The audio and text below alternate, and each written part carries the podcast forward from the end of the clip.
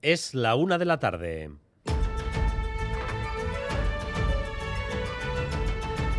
Crónica de Euskadi con Dani Álvarez. A Rachaldeón, los motores de los partidos vascos empiezan a revolucionarse en la semana en que comienza la campaña electoral. La ambición de Euskal Herria Bildu por disputarle algunas plazas al PNV está llevando a un aumento de la temperatura entre ambos partidos. Otegui, Eguíbar, Aizpurúa y Ortúzar juegan entre ayer y hoy una partida dialéctica por los posibles pactos electorales y lo hacen a través de Radio Euskadi.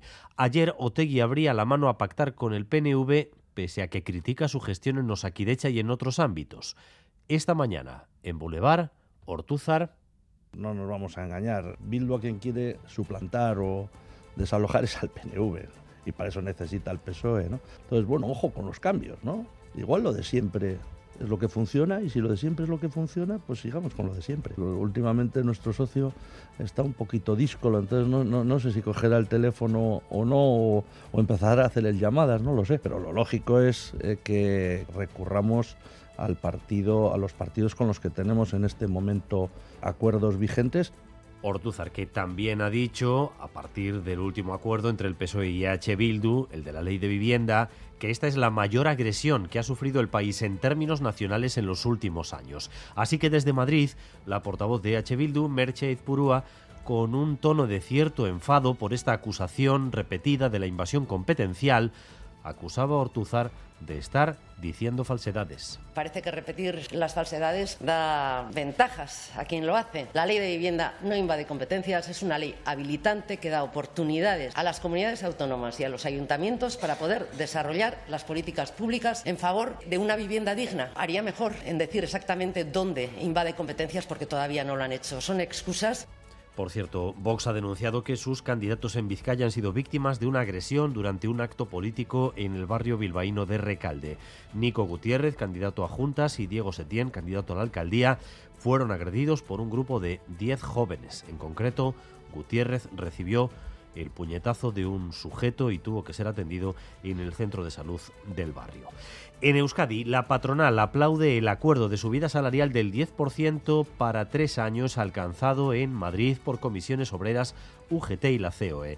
CEBEC cree que es un ejemplo del que deberían tomar nota sindicatos como LAB y sobre todo ELA. Según la patronal vizcaína, sería la prueba de que el diálogo social funciona mucho mejor que las huelgas. Carolina Pérez Toledo. Es un ejercicio de responsabilidad que nos gustaría pedir, pero no solo por nuestra parte. Yo creo que la propia sociedad vasca requiere que nos sentemos a acordar, necesita paz social, no desde el principio se pone sobre la mesa una huelga. Esta negativa a negociar va en aumento el tiempo de, negociación que se va tardando de tres años y medio y sigue subiendo. Y eso es algo que nos preocupa muchísimo. Y aún con la sensación de sorpresa por la notable movilización de Erchañas ayer en una manifestación en Bilbao para solicitar nuevo convenio bajo la amenaza de parar el tour, primera respuesta pública del gobierno. Respuesta a este grupo de Erchañas no alineados que actúan de momento de forma anónima y sin cobertura sindical. Nosotros debemos dirigir y orientar la negociación y al diálogo a los foros formales que tenemos constituidos con las fuerzas que representan legítimamente a los erzañas, que son sus sindicatos.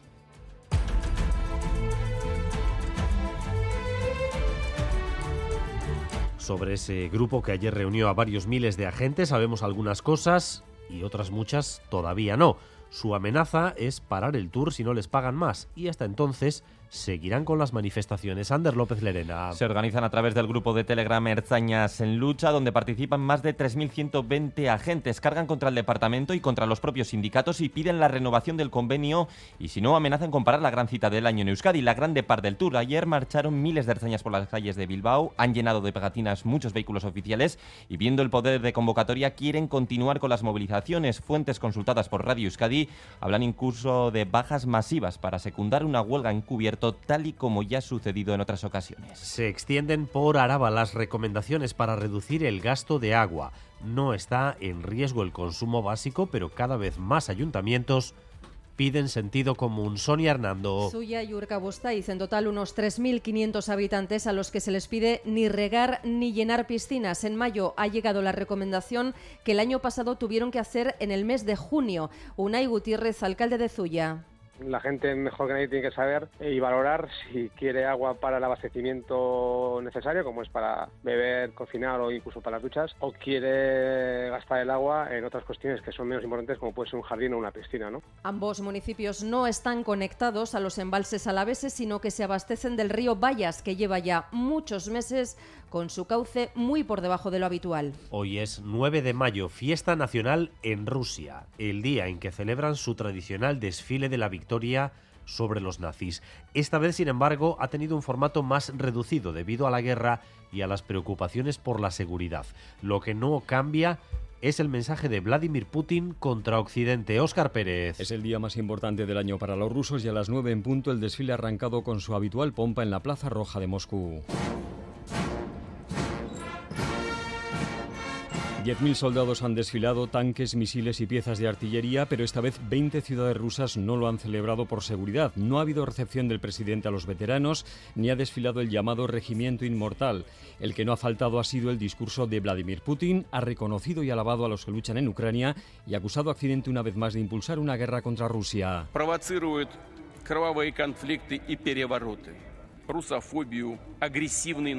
Practican la rusofobia, un nacionalismo agresivo, enfrentan y dividen a los pueblos y provocan conflictos sangrientos, ha dicho el presidente ruso sobre Occidente en la Plaza Roja de Moscú. Y un total de 43 compañías van a tomar parte este año en la edición de la Humore Azoka de Leyoa, que comienza el 18.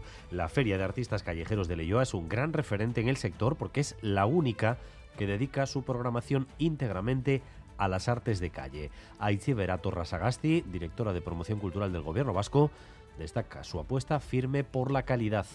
La apuesta que la Humoria Soca hace por la calidad se traduce en la diversidad de estrenos que ofrece al público de Euskadi. Se ha convertido en una plataforma donde los programadores acuden a conocer de primera mano propuestas que llevarán a sus municipios. La apuesta por la calidad es sin duda uno de los ejes vertebradores con el que trabaja el equipo de personas que hace posible esta feria.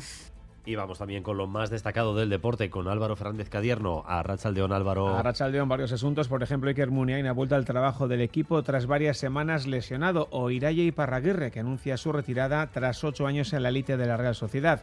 En pelota, Lasso y el Ordi han apartado el material para el decisivo choque del viernes en el frontón de Bilbao y en el Giro tenemos en marcha la cuarta etapa con Renko Ebenepul portando la maglia rosa. En el tráfico ahora mismo en Baracaldo, sentido Erleche, N637, hay un camión averiado que se encuentra ocupando el carril derecho. Baracaldo, sentido Erleche, N637. Y en cuanto al tiempo, tal y como estaba previsto y como nos había anunciado Euskalmet, el paso de un frente nos ha dejado una mañana lluviosa con eh, bajón de las temperaturas. Por la tarde las precipitaciones irán pasando a ser eh, chubascos cada vez más ocasionales y afectarán sobre todo a la vertiente cantábrica. 17 grados de temperatura en Bilbao y en Donostia, 16 en Bayona, 14 grados de temperatura en Pamplona y en Vitoria-Gasteiz. Gracias un día más por elegir Radio Euskadi y Radio Vitoria para informarse. Raúl González y José Ignacio Revuelta se encargan de la dirección técnica y Aichiber Bilbao de la coordinación. Crónica de Euskadi con Dani Álvarez.